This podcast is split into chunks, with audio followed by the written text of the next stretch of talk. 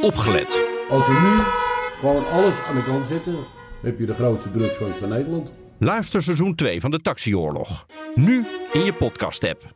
Het ziet ons een beetje zwart voor de ogen. Ja, hoe komt dat? maar dat komt door de zwartgelakte documenten die we allemaal te zien kregen. BNR Werkverkenners wordt mede mogelijk gemaakt door BrainNet.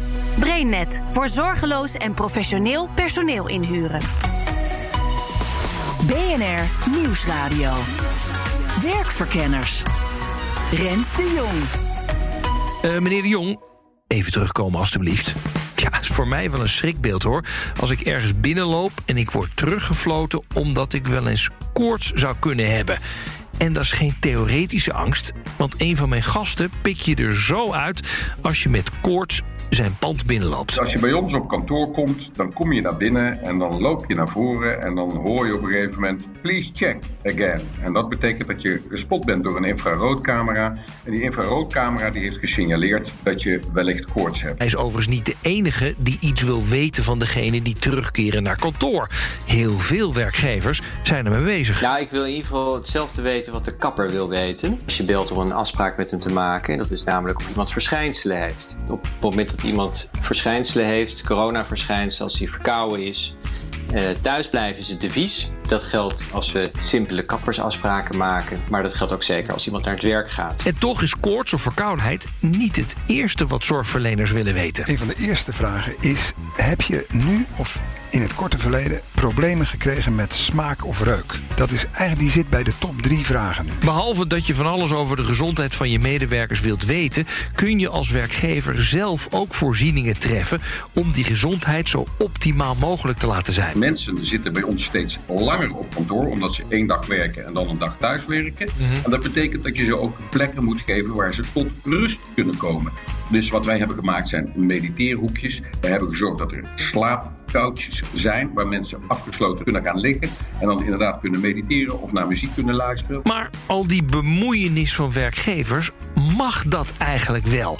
Is dat niet in strijd met privacywetgeving? Ik sta daar erg liberaal in, in de zin van dat ik me weinig gelegen laat liggen aan, aan privacy op dit moment. Dat, Oh ja? ja, ik vind, ik vind privacy is belangrijk, zeker. Maar ik vind het ondergeschikt aan gezondheid. En ook de werkgever die zelf gespecialiseerd is in privacy, wil er in deze pandemie niet te zwaar aan tillen.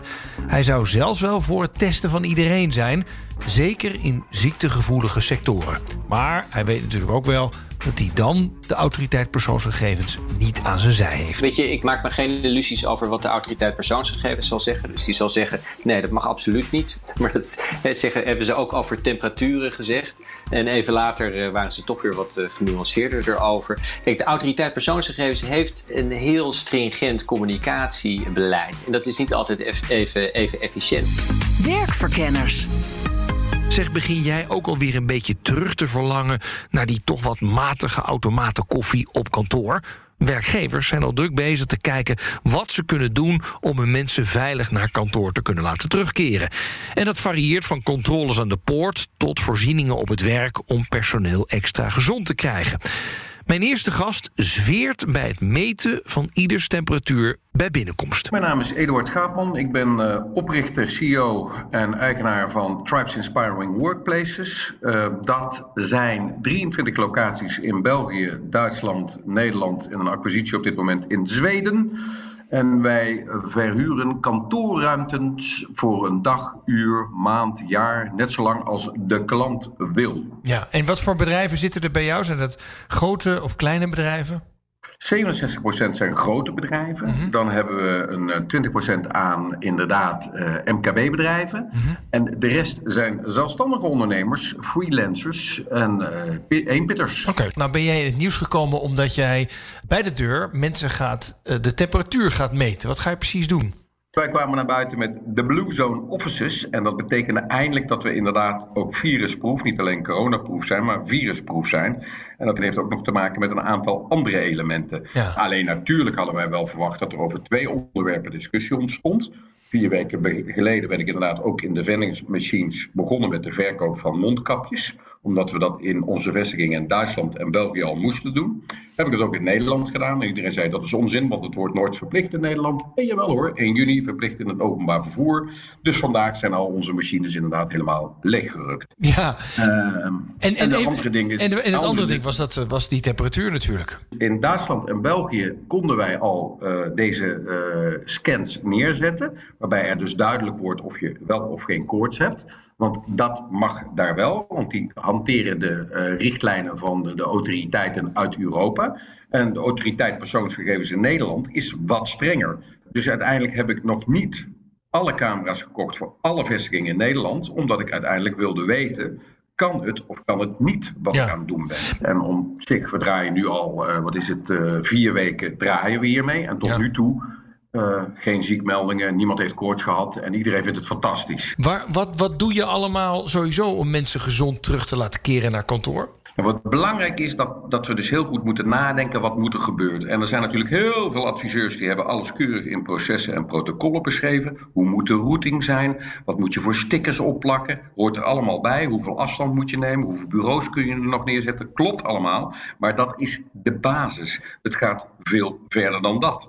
Wat heel belangrijk is, en dat blijkt veel meer uit de Duitse onderzoeken die zijn gedaan. Wat is je temperatuur? Hoe hoog is je luchtvochtigheid? Dus je moet je temperatuur in je gebouw aanpassen. Je moet zorgen dat je niet die hoge luchtvochtigheid krijgt zoals die in Singapore is geweest. Dat zijn elementen. Verder moet je natuurlijk ook proactief werken. Je moet denken om die gezondheid van mensen. Op dit moment kunnen we niet naar de sportschool. En dat is ellende, maar mensen krijgen wat coronakilo's er- kilo's erbij. Dus hoe kun je zorgen dat er toch gesport kan worden op bijvoorbeeld een Tribes-kantoor? Nou, wat wij hebben gedaan is, we hebben hele grote iPhones neergezet. In, op die iPhones kun je met een virtual sport assistant gaan sporten. Je kunt je kickboxwedstrijdje doen, je kunt je, kunt je, je fitness doen, je kunt je hele workprogram doen. En dat kun je dus alleen doen in een ruimte die voor jou daar is, met de juiste temperatuur, met de juiste luchtvochtigheid en die goed geventileerd wordt. Niet door airco, maar gewoon door het raam open te zetten, want dat is ook heel belangrijk. Nou, verder is het ook belangrijk dat je gezond door het leven gaat. En dat betekent dus dat je af en toe die noodzakelijke vitamine C moet hebben, of die D3, of misschien wel dat mondkapje, of inderdaad dat handgelletje of die handschoentjes. Die zijn allemaal te verkrijgen in onze vendingmachines, in Ja. onze vitaminebooster. En ook mijn volgende gast wil wel van zijn mensen weten of ze gezond zijn als ze naar kantoor komen. Maar hij vertrouwt er ook wel op dat ze hun verstand gebruiken. Christian Albering-Tijn, advocaat bij bureau Brandijs, gespecialiseerd in privacyrecht. En eh, ben je ook werkgever? Mag, mag ik dat zo ook zo zien of niet? Ik ben ook zeker werkgever, ja. Wat zou jij eigenlijk willen weten voordat ze op kantoor gaan zitten? Of iemand verschijnselen heeft. Dat is wel een belangrijk gegeven. Dus wij zeggen ook tegen al onze werknemers: we gaan weer een heel klein beetje kijken of mensen voorzichtig, druppelsgewijs op het werk kunnen verschijnen. Maar mensen met verschijnselen moeten absoluut thuis blijven. Maar vraag je het ook? Want de kapper vraagt het eh, iedere keer als je komt. eh, heeft u verschijnselen? Maar ga jij het vragen? Nou, we hebben vrij verstandige werknemers. Dus wij gaan niet actief uitvragen: eh, Goh, heb je verschijnselen? Eh, maar mensen die op het werk willen komen, die moeten zich melden. Eh, dus je kan niet zomaar op je fiets stappen of in de auto stappen en naar het werk gaan. Dus je moet je eerst even melden bij onze kantoordirecteur. En in dat, op dat moment, in dat gesprek, is het natuurlijk wel het moment om even te verifiëren of Ja. iemand helemaal goed en gezond is. Nou heb je natuurlijk bij jou op het werk allemaal privacy fetischisten zitten. Dus die, die gaan natuurlijk met jou in debat, kan ik me zo voorstellen. Eh, ik heb een hele hoop privacy fetischisten op het, eh, op het werk zitten, maar die weten ook heel goed dat privacy geen absolute grootheid is. En dat je altijd naar de balans moet kijken in dit soort situaties. En hoeveel procent van de mensen gaat weer aan het werk eh, binnenkort bij jou, zeg maar, op het kantoor? Nou, we zijn met 45 man op kantoor. Dus we hebben tot nu toe het beleid gehad dat vijf man maximaal er mocht zijn. Met eh opgave van reden en allemaal, eh, allemaal waarborgen daaromheen. Eh, en we gaan dat nu, vanaf maandag kunnen dat 10 mensen zijn.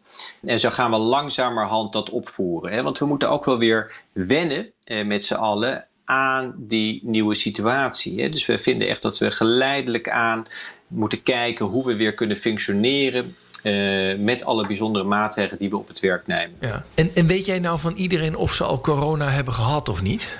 Nou, dat, het probleem is, we testen niet zoveel in Nederland. Nee, maar goed, sommigen Eh, sommige weet je wel van... oh ja, die was wel even ziek of, of die heeft... Nee, nou, wij- wij- er is niemand bij mij op het werk die heeft aangegeven: ik heb corona eh, gehad. Er zijn wel een aantal mensen die zijn zieker geweest en die denken: nou, misschien heb ik het gehad, maar misschien ook niet. Dus die zijn dan nu eh, enigszins groepsimmuun, hopen we dan maar. Maar we hebben geen echte gevallen gehad. Maar dat is, dat is wel, kijk, dat is wel het lastige van de situatie. Er zijn mensen die zeggen, ja, er zijn al een miljoen mensen in Nederland die hebben corona gehad. Doordat we vrij weinig testen tot op heden, eh, weten we dat niet. En hebben we die data niet, eh, niet beschikbaar. Als je nou in de zorg werkt, dan zal er wel heel precies op gelet worden of je klachten hebt die op het virus wijzen. Toch? IJzer Wielinga, KNO-arts. Eerst in Leiden en omgeving en later in Amsterdam. Nog steeds ook. eh, bovendien scanarts. Dat is nu niet zo belangrijk. Dat is een second opinion bij eh, euthanasie. En ja, al vanaf eind 99, begin 2000... een beetje verbonden aan eh Business News Radio... als een beetje duider eigenlijk van wat er zoal op medisch gebied gebeurt. Ja, volgens mij eh, hebben we voor jou de term radiodokter uitgevonden. Die- onze radiodokter. Ja, onze radiodokter IJzer. Kijk, we komen in het spel dat we weer teruggaan naar kantoor. En, en dit is al een precair ding. Hè? Wat wil je weten van de gezondheid van je medewerkers? Maar nu is het helemaal precair. Omdat het natuurlijk ook nog eens een keertje razend besmettelijk allemaal is. Eh, heb jij een inschatting wat werkgevers allemaal willen weten van hun werknemers voordat ze terugkomen op kantoor? Ja, ik kan in ieder geval voor mijn eigen ziekenhuis spreken. En daarbij is het opmerkelijk dat er van uitgegaan wordt dat in ieder geval de medewerkers eh, die weer aan het werk gaan, dat die gezond zijn. Dus ik heb geen vraag gekregen hoe voel je je. Terwijl we dat wel vragen aan de patiënten. Aan alle cliënten en patiënten die binnenkomen, hebben we een rits van vragen. Vragen echt eh, de hemd van het lijf, ook over hun contacten. Eh, maar aan mij, ik begin aanstaande eh, woensdag met een volledig normaal spreekuur bijna. Aan mij is helemaal niets gevraagd. En dat, vond, dat vind ik nog steeds ik, wel opmerkelijk. Er wordt, ja, er wordt verondersteld dat jij wel, Precies. dat jij wel snapt Ja. dat je of je ziek Ja. bent of dat je niet ziek bent. Ja, precies. En dat je dan niet aan patiënten moet komen. Dus dat is echt een, eh, eh, iets wat, wat... En dat, dat had je het oké alle gevonden als, als ze het wel hadden gevraagd? Ja, dat is een goeie. Ja, ja, dat had ik zeker oké gevonden. Nou, de strijd tussen privacy en gezondheid is niet zwart-wit. Geen camera's op de werkvloer ophangen om te kijken of zijn werknemers niet stiekem eh, drie keer per dag in de elleboog niezen en dat soort zaken. Of dat ze wel voldoende hun handen wassen. Zulk soort controles, dat gaat te ver. Maar op het moment dat jij basale checks invoert om ervoor te zorgen dat iedereen binnen jouw bedrijf veilig is, dan is dat gewoon geoorloofd, is dat toegestaan. Straks meer over hoe we de AVG moeten lezen in tijden van een pandemie. Rens de Jong. Maar eerst kijken we wat we vanuit medisch oogpunt nou echt nuttig vinden om te weten. Aan het begin hoorde je al even dat je als eerste moet vragen naar problemen met reuk en smaak. En vervolgens ben je verkouden, voel je je verkouden, ben je snotterig, hoest je meer en, en proest je meer. Nou, dat, die zijn wat naar achter geschoven, die vragen naar verkoudheidsklachten. Omdat eh, COVID-19 zijn intrede deed op vrijwel dezelfde, in vrijwel dezelfde tijdspannen als de hooikoorts zijn intrede deed in Nederland. Namelijk eind, eind, eh, eind februari.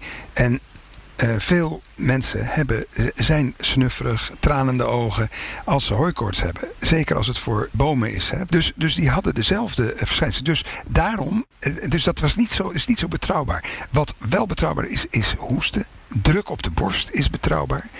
Koorts is minder betrouwbaar gebleken dan reuk- en smaakproblemen. Dus die, die, die, die zit in de, in de vijf vragen, vijf sleutelvragen. Maar op, op nummer drie of zo. En terwijl in eerste instantie was koorts nummer één. Er werden ook op afstand werd je getemperatuurd in de, in de, in de metro in China bijvoorbeeld. Hè. Dus, maar gebleken is dat eh, bij retrospectief onderzoek bij heel veel mensen, grote groepen, eh, dat op nummer één is komen te staan eh, reuk- en smaakproblemen. Dat is heel apart. Wat erbij gekomen is, is ook diarree, dus maag-darmklachten. Oh ja. Zou dat nou nuttig zijn? Dat, dat die vijf vragen die jij hebt.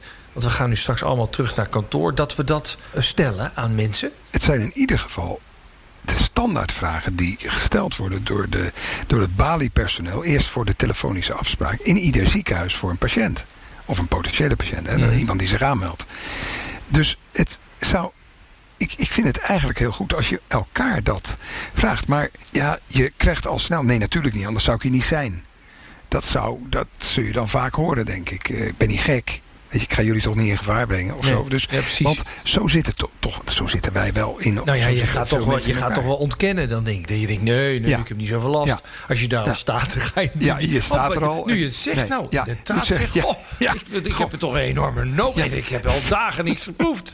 Fijn dat je me er even aan herinnert. Het was alweer wat weggezakt. En even, eh, dat hoor ik de hele tijd, asymptomatisch. Dus kortom, we zijn wel besmettelijk... terwijl we geen ziekteverschijnselen hebben. Dat is het grootste probleem nu. Dat is ook waar we heel veel discussies over in ons ziekenhuis gehad hebben al.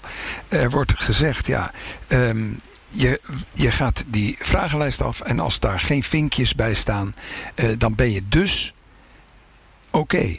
En dat is niet waar. Dat weten we niet namelijk. We weten, we weten wel dat er asymptomatische verspreiders zijn. Asymptomatische mensen die wel degelijk anderen kunnen ziek maken. Maar we weten niet of die viral load die ze dan hebben, dus de hoeveelheid virus die ze bij zich dragen, of die zwaar genoeg is, dan al, om sowieso altijd anderen te infecteren. Hmm.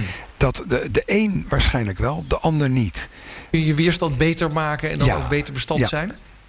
Als je een goede weerstand hebt, dan is het in ieder geval zo dat je eerder bij de 80% gaat horen van de patiënten bij wie die hele eh, infectie eigenlijk mild verloopt als een vervelende gewone griep. Je kunt wel je weerstand heel goed opkrikken, maar dan moet je niet denken dat je niet geïnfecteerd raakt. Want dat, die initiële virusaanval, ja, die, die, tenminste, ik heb nergens gevonden dat mensen met een, met een hoge weerstand, topatleten of wat dan ook, dat die beter bestand zijn tegen de eigenlijke infectie. Maar het verloop van de infectie heb je wel degelijk in de hand met weerstand. Dus die weerstand, die kun je. Er zijn wat, wat, wat voedingssupplementen en de, de, de een is meer bewezen dan de ander. Ze zijn geen van allen eigenlijk eh, wetenschappelijk eh, volstrekt vaststaand. eh, behalve één, en dat is 20 minuten meditatie per dag. Oh ja? Daar is, ja, dat is heel opmerkelijk. Daar, dat, dat is echt bewezen dat als je dat doet, dan krijg je een verbetering van de weerstand. Dat is een algemene boost eigenlijk voor je immuunsysteem. Ja, koorts is dus van de troon gestoten en wordt niet meer gezien als de belangrijkste voorspeller van COVID-19.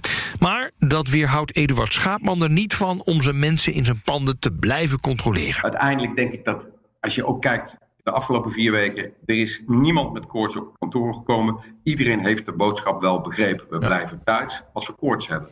Dus het is een extra veiligheid, juist voor die ander. Hetzelfde als met dat mondkapje. Die veiligheid is er voor die ander. Op het moment dat iedereen het idee heeft op kantoor van... hé, hey, er zitten hier 120 mensen die geen koorts hebben op kantoor... klinkt er een opluchting. En dat is hetzelfde met die mondkapjes. Als iedereen dat mondkapje opdoet in die bus... gaan mensen vaker weer met die bus reizen... omdat ze daar minder bang voor zijn. En dan kun je zeggen, is het dan uh, schijnveiligheid? Tuurlijk zit dat er een beetje in. Maar het gaat erom dat mensen wel weer ja, zichzelf veilig voelen, naar kantoor durven gaan en weer durven te presteren. Veel werkgevers zijn er al druk mee. Maatregelen om hun personeel weer naar kantoor te laten komen. Maar wat mag er nou allemaal wel en wat niet als je je aan de privacywetgeving wilt houden? Zoals gezegd, Eduard Schaapman zet in zijn Tribe-panden infraroodcamera's in om iedereen te temperaturen. En dat zorgde voor veel ophef. In de media was de autoriteit persoonsgegevens uitgesproken. Voorzitter Aleid Wolfsen werd als volgt gequote... een ondernemer mag geen dokter spelen. Dit is een ernstige overtreding van de privacywet. Als dit gebeurt, zullen wij handhaven. Maar toen Schaapman twee inspecteurs van de autoriteit sprak... bleek het meteen al wat genuanceerder te liggen. Deze twee zeer vriendelijke inspecteurs zeggen mij dat het voor hen ook een vaag gebied is. Omdat oh. inderdaad uh, ik geen werknemers ken, één. En nou, twee, die mensen geen... zijn wel werknemer, alleen niet van jou. Maar niet bij mij. Ja, ja. Nee, okay. niet bij mij. En ik... En ik uh, verzamel ook geen gegevens over deze mensen. Zij zijn verder ook uh, een beetje aan het zoeken op dit moment, omdat natuurlijk minister-president Rutte ook heeft gezegd in zijn toespraak bij de opening van de horeca, theaters en bioscopen uh, in juni: alsjeblieft check uw bezoekers op gezondheid. Vraag of ze gezond zijn. En dat is natuurlijk ook een soort van ja, informatie aanvragen. Ja. Um, nou ja, wat je ziet is dat in de afgelopen tijd heel veel bedrijven ons hebben benaderd. Ook zorginstellingen, ook horecabedrijven, ook theaterbedrijven. Van hé, hey, waar kunnen we die camera's bestellen?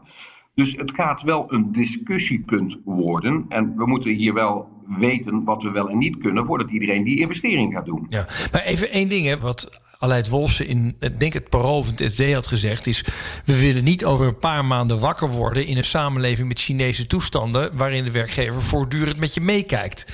Nou snap ik ook wel dat het vanuit het, het, het, het proberen om het goede te doen uh, is. Aan de andere kant, ik snap Wolfsen ook wel. Die zegt, ja, maar voor, voordat je het weet... nemen wij allemaal maatregelen... waarvan we later zeggen, ja, ah, was dat echt relevant? Hè? Meten of iemand koorts heeft, want er is wel meer uh, wat je, of minder wat je moet hebben... wil je echt erg besmet zijn.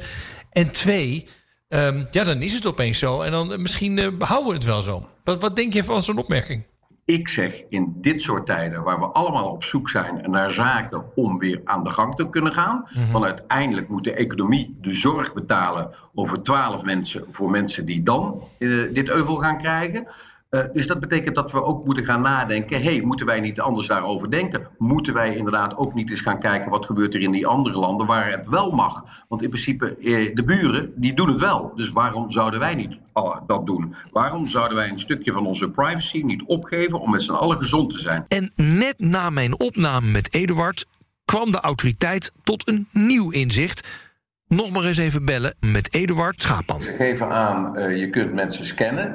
En ik denk uiteindelijk uh, dat dat al een gewonnen stap is. En ik denk wellicht dat we uh, dan toch in dit land de vrijheid moeten laten aan de mensen. En dan inderdaad die tweede controle niet moeten doen. Ik denk dat, dat we daar wel een punt hebben. Dan wat, misschien aan het polderen. Wat, ja. Maar ik denk wel dat we op deze manier tot alvast een, een, een, stap komen in de goede richting. Dat je de vrijheid laat aan mensen. En dat mensen gewaarschuwd kunnen worden van oh. Ja, want volgens mij de AVG geldt niet als alleen de temperatuur wordt afgelezen en daar verder niets mee gebeurt. Ja, dus ja, volgens ja. mij is het zo dat als je de temperatuur afleest en die mensen zelf kunnen kijken. Heb ik koorts of heb ik geen koorts? Dan ja. zit je goed. Dus het mag niet geregistreerd worden. Mag ook Nee, niet klopt. in een geautomatiseerd systeem terechtkomen. Volgens Klopt. mij mag er niet eens een groen of een rood loop- lampje gaan branden. Eh, ja, dat is het systeem. Ja. Dat heb ik nog niet. Dat, dat lees ik hier niet uit. Dus eh, eh, mijn conclusie is van eh, we hebben een stap gezet in de goede richting. We hebben een middel gevonden om iedereen een veilig gevoel op kantoor te geven. Mm. Eh, en inderdaad denk ik dat het slim is om daarin ook te stellen. niks verzamelen, geen gegevens bewaren en mensen de vrijheid laten. En dan zijn we denk ik eh, met z'n allen heel snel tot een mooi, eh, nou compromis wil ik het niet noemen, maar tot een mooi stukje vooruitgang gekomen. Ja, is die AVG dan zo lastig te interpreteren? De autoriteit zelf vindt het allemaal vaag. En bovendien stelt ze haar standpunt bij. Privacyrecht is ook weer niet zo heel erg ingewikkeld. Het wordt vaak heel erg ingewikkeld gemaakt. Eh, maar op het moment dat er eh, verwerkingen zijn van hele grote aantallen, hele gevoelige gegevens door een hele hoop mensen, ja, dan kan je er donder op zeggen eh, dat er iets misgaat. Dus het, het idee van we gaan telecommunicatiegegevens allemaal verzamelen om te kijken waar mensen zich precies bevinden, zonder dat je dat gericht doet, Mhm. of zonder dat je dat eh, op wettelijke basis doet, en ga ze maar door. Ja, dan kan je heel snel zeggen, ja, dat mag gewoon niet. Ja. Is gewoon niet toegestaan. Maar eigenlijk Dus- zeg je, het is, het is voor de, laten we zeggen, de, de Googles van deze wereld en de grote bedrijven die, die met honderdduizenden tegelijk dit soort dingen verwerken. Maar het gaat niet om de MKB'er die vraagt aan zijn medewerker: joh, ben jij, ben jij op dit moment eh, ziek of niet ziek? Of eh, laten we eens even het gaan temperaturen. Daar is dit niet helemaal voor. Daar is dit niet voor, hè, ondanks het feit dat hij strikt naar de letter van de wet er vanzelfsprekend wel onder valt. En de MKB'er moet ook, hè, moet, moet, moet ook altijd alles proportioneel doen en niet verder gaan dan noodzakelijk is. Kijk, privacy is een grondrecht, maar onze bewegingsvrijheid, de vrijheid om te gaan en staan waar we willen, dat is natuurlijk ook een grondrecht. Dus wij, zijn, wij worden eh, op het moment dat je op je werk komt en, en zeggen: hé, hey, je moet even aan de rechterkant van het gangpad lopen, dan word je in je vrijheid beperkt. Of je mag niet naar je werk, dan word je ook in je vrijheid beperkt. Of uh, je moet na binnenkomst meteen je handen wassen, word je ook in je vrijheid beperkt. Maar dit zijn allemaal beperkingen die allemaal logisch en nuttig zijn. Ja. Eigenlijk zeg jij, je moet bij dit soort dingen moet je twee dingen afvragen. Eén, werkt het? En twee, is het proportioneel? Exact. En Rens, je vat het nu wel heel mooi samen. Dus op het moment dat je dat goed in het snotje hebt, om maar even een coronaterm te gebruiken. Ja. Op het moment dat jij je goed afvraagt, is het effectief? Effectief is wel een strenge toets. Hè? Dus het is, moet niet zo zijn, ja, het is wel makkelijk of het is wel prettig of mm-hmm. het is wel handig. Nee, het moet echt, echt effectief zijn. Als het antwoord daarop ja is, dan moet je vervolgens de vraag stellen: en gaat dit niet te ver? Hè? En de vraag die je daarbij kan stellen: zijn er geen minder vergaande maatregelen die ik kan nemen die hetzelfde effect sorteren? Op het moment dat je op die drie vragen antwoord hebt gegeven en dat is een, dat is een positief antwoord, dan, dan kan je de maatregel gewoon nemen. Maar als we het nou allemaal eventjes wat minder nauw nemen met de privacy en niet overal over overleggen. De vraag is dan, zijn we dan sneller van het virus af? Die bewijzen zijn er. Kijk naar Singapore. Natuurlijk wel een hele... In de totalitaire uh, samenlevingen, totalitair geregelde samenlevingen... is dat allemaal veel sneller gegaan dan in de grote democratieën. Een wetenschapster die zei, ja, als je, kijkt, als je mondiaal kijkt... dan zie je dat uh, heel veel maatregelen waar wij eerst een paar weken discussie over hebben moeten hebben. Hè, dat, uh, dat, ja, dat is nou één keer zo, want we zijn een volstrekt democratisch land en we beslissen alles samen. Daarvan kun je zien dat de implementatie veel sneller ging. In de totalitaire achterstand. Maar, maar dat vind ik wel interessant, want jij bent een man die zijn hele leven opgegeven heeft om, om gezondheid te promoten. Zou je dan ook zeggen, ja, ja jongens, dan moeten we toch met elkaar in dit soort tijden van nood echt iets nou ja, totalitairder worden. Klinkt hij zo naar, maar wel even af en toe even wat dingen opzij zetten. En gewoon even doorknallen, ja. zeg maar. Het, het is wel zo, denk ik, dat onze minister-president is al wel vrij die is al vrij stevig totalitair bezig hoor, denk ik. Die, die, er wordt heel veel door hem gedragen ook hoor. En ik vind, ik, ik heb echt, ik vind dat fantastisch. Wat hij, wat, Want wat vind je er dan totalitair aan? Nou nee, dat hij, dat hij, dat hij wel, denk ik, um, ook omdat hij het helemaal naar zich toe getrokken heeft. Dus ik heb daar verder geen bij. Dat denk ik dat hij wel uh, sneller zelf knopen zal doorhakken. Uh, ja, omdat dat gewoon ook moet. Je kunt niet iedereen laten meepraten meer. Alleen de, de wiskundigen, de grote breinen. En dan moet er iemand een beslissing nemen. Tja, is voer om over na te denken. Goed, om mensen weer naar kantoor te kunnen laten gaan... moet je het een en ander over hun gezondheid weten. Koorts is niet de beste raadgever... maar als je weet dat iedereen om je heen koortsvrij is... dan geeft het al wel snel een gevoel van veiligheid. Of dat nou schijnveiligheid is of niet... het helpt wel om je prettig te voelen op kantoor. En hoe het nou zit met onze privacy? Nou, als het effectief is en bovendien binnen de perken blijft... mag je best het een en ander meten en vragen aan je medewerkers. En tot slot, en daar zijn we denk ik met z'n allen nog helemaal niet klaar voor... maar als we in een wat totalitairder geregelde maatschappij zouden leven... dan zouden we misschien het virus sneller de baas kunnen zijn. Maar weet wel wat we dan opgeven. Dit was Werkverkenners voor deze week. Volgende week krijg je weer een verse op dinsdag om half vier. En in je podcast-app kun je hem op ieder moment terugluisteren. Tot de volgende keer. Dag. BNR Werkverkenners wordt mede mogelijk gemaakt door BrainNet. BrainNet voor zorgeloos en professioneel personeel inhuren. Ook Liesbeth Staats vind je in de BNR-app. Ja, heel handig. Luister live naar Kees en mij tijdens de Daily Move. Dan blijf je ook gelijk op de hoogte van breaking news en het laatste zakelijke nieuws. En daar vind je ook alle BNR-podcasts, waaronder de Perestrooikast. Download nu de gratis BNR-app en blijf scherp.